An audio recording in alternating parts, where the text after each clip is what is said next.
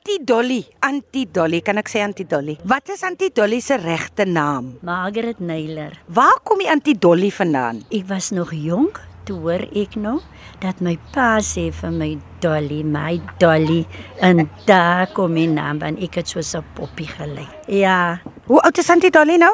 ek is 67 jaar. Hoe was Antie Dolly se grootwordjare? Ek was gebore in Mamasbury.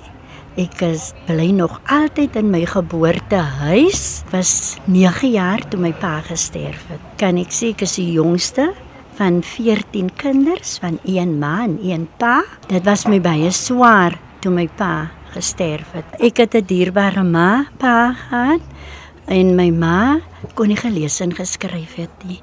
Maar sy was 'n wonderlike vrou.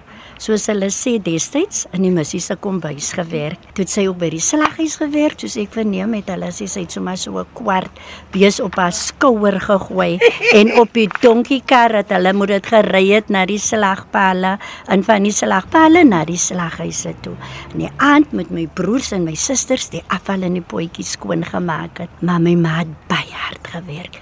Daar was nie nodig vir iemand wat verf is, sy het alles gedoen en sy het gewas met die hand. Het sy dit gedoen vir ons almal baie sterk vrou.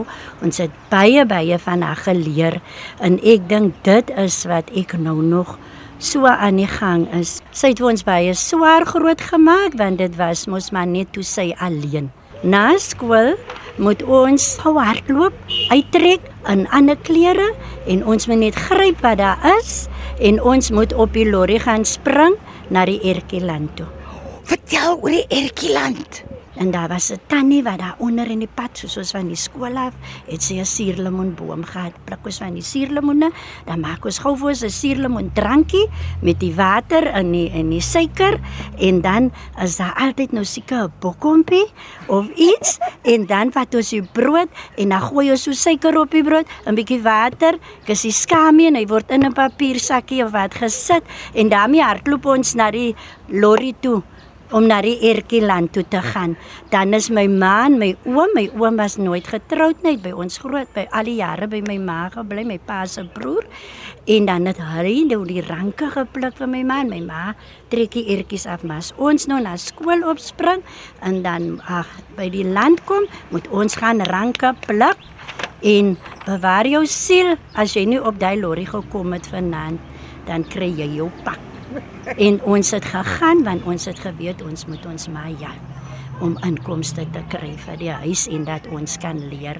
Maar deur die swaar kry het al haar kinders sal ek maar sê 'n amp en geleerdheid soos die ou mense sê. Kan ek gou eers sê terwyl ek ook 'n kind was, was daar 'n uh, moslim winkel wat die groente en die vrugte gekry het en op 'n Vrydag kom hulle van die mark af en dan het hulle die wortels en die kool en wat ook mos nou geval het, dan het mos nou gekraak, maar dan bring hulle hele bors van my ma.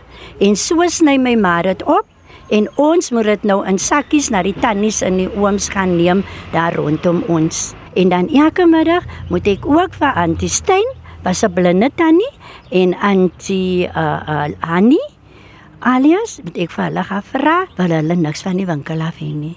Jy kan nie nee gesê het jy moet gehardloop het om vir die tannies daar rondom te gaan vra wil hulle iets van die winkel af hê wat alleen bly en ek moet elke middag winkel toe gaan het en ek dink dit is waar dit nou begin het by my wat ek nou doen Meals on Wheels community service en ek dink dit is hoekom ek die liefde gekry het van daardie dae af om dit te begin. My ma was die stigter se lid in Mamas brief van hierdie Meals on Wheels. Hoe 'n dag nou in Antie Dolly se lewe? Wat doen julle als? Is daar sekere dae waarop julle spesifieke kosse kook en dan hoe word dit afgelewer? Ek het Meals on Wheels kantore geskakel en gevra is Meals on Wheels nog uh geregistreer en toe sê hulle ja, Mamas by die Meals on Wheels is nog geregistreer. Nadat ek ophou werk het, het ek maar nog so bedien onder my afdak in die winter aan die kindertjies en dit was plus minus 100 kinders wat daar so gekom het twee keer 'n week en toe het ek 'n bejaarde klub begin met susters in die kerk en hulle het so maatjies saamgebring en ons het van 24 afgegroei tot 65. Van die goue aarse bejaardes het ook oorgekom na ons klub toe. Toe lockdown begin, toe kan ons mos nou nie meer aangaan met die klip nie. Ons het 'n wen gekry en toe kan ons mos nou die kosse gaan afgee by die huise. En soos die gemeenskap gesien het, die wen ry en gee nou kos af het hulle toe nou navraag gedoen dat ons nou 320 bejaardes voed. En Dolly hou ook elke Kersfeestyd 'n lekker makiti. Is dit nou vir almal daar in Mamesbury of hoe werk dit? Is nou die bejaardes rondom in die Swartland en uh, ons nooi uit van die Bedstyl of waar ook al en dan adverteer ek en is 250 bejaardes wat ons nou 'n Kerspartytjie lekker hou en vir hulle lekker laat eet en ons 'n program vir hulle geestelike dansers, tamboernoontjies, ons kry mense wat musiek kan maak en hulle geniet dit gate uit. Ons gee vir hulle 'n driegang maaltyd, diepgebreide vis wat my seun maak en hulle is mal daaroor en hy bak dit in met die soda water, meng hy met die meel en hy bak dit daar en hulle is mal elke jaar en hulle kan nie ophou praat van daardie vis deur die jaar nie. Dan is dit 'n stew, 'n groente of curry stew en dan is dit die braai.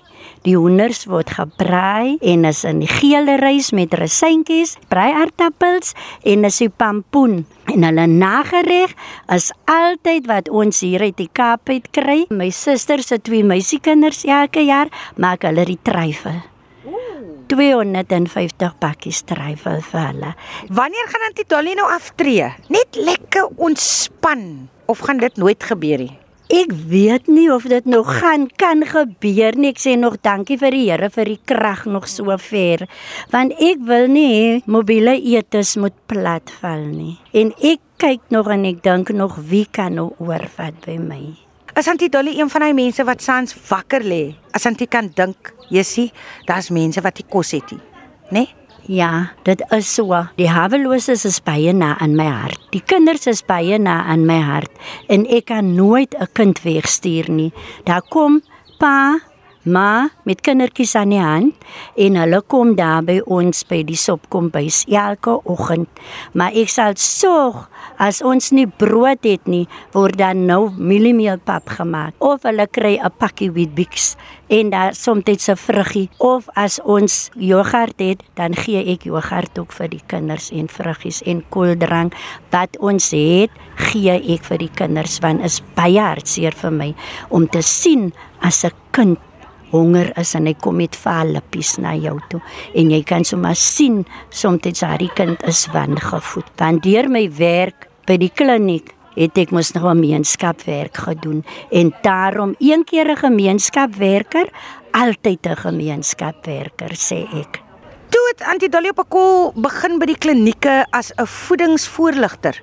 Hoe dit gewerk? Ek het gegaan en ek het gaan stap. Jy moet gestap het met jou mandjie en jou gasstofie en jy het gegaan by die hokkies by die huise in, die minderbevoorregtes en ons het vir hulle gaan demonstreer, dat ek gaan demonstreer hoe om ekonomiese disse te maak. En dit 'n voorbeeld wat ek kan gee is miskien nou hoe jy die blikkie vis kan rek kat jy heeltemal is met boontjies, strooboontjies en jy kook dit, jy smoor jou ei en jy die boontjies is klaar gekook en jy gooi dit daarby en jy gooi jou blikkie vis, dan het jy 'n groot pot kos met jou rysie of brood en almal kan eet daarvan. Want as jy dink as daar vleis in die huis is, aan wie dink ma?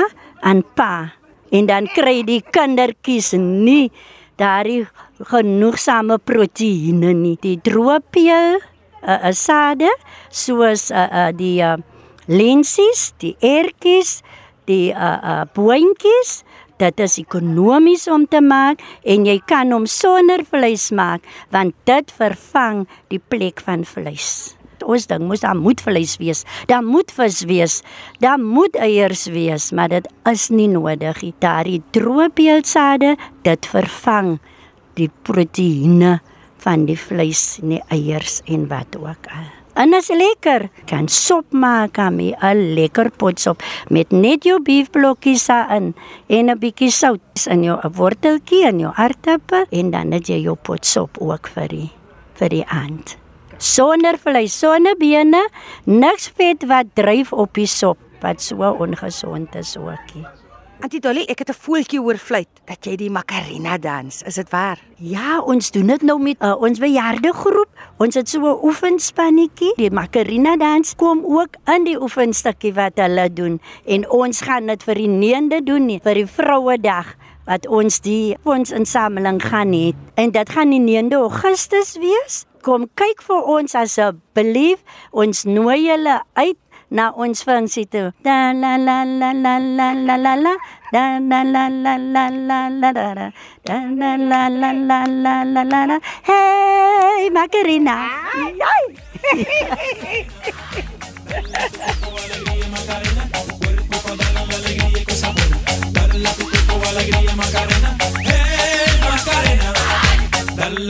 Alegría Macarena, que tu cuerpo es para darle alegría y cosas buenas. Dale a tu cuerpo alegría Macarena, hey Macarena.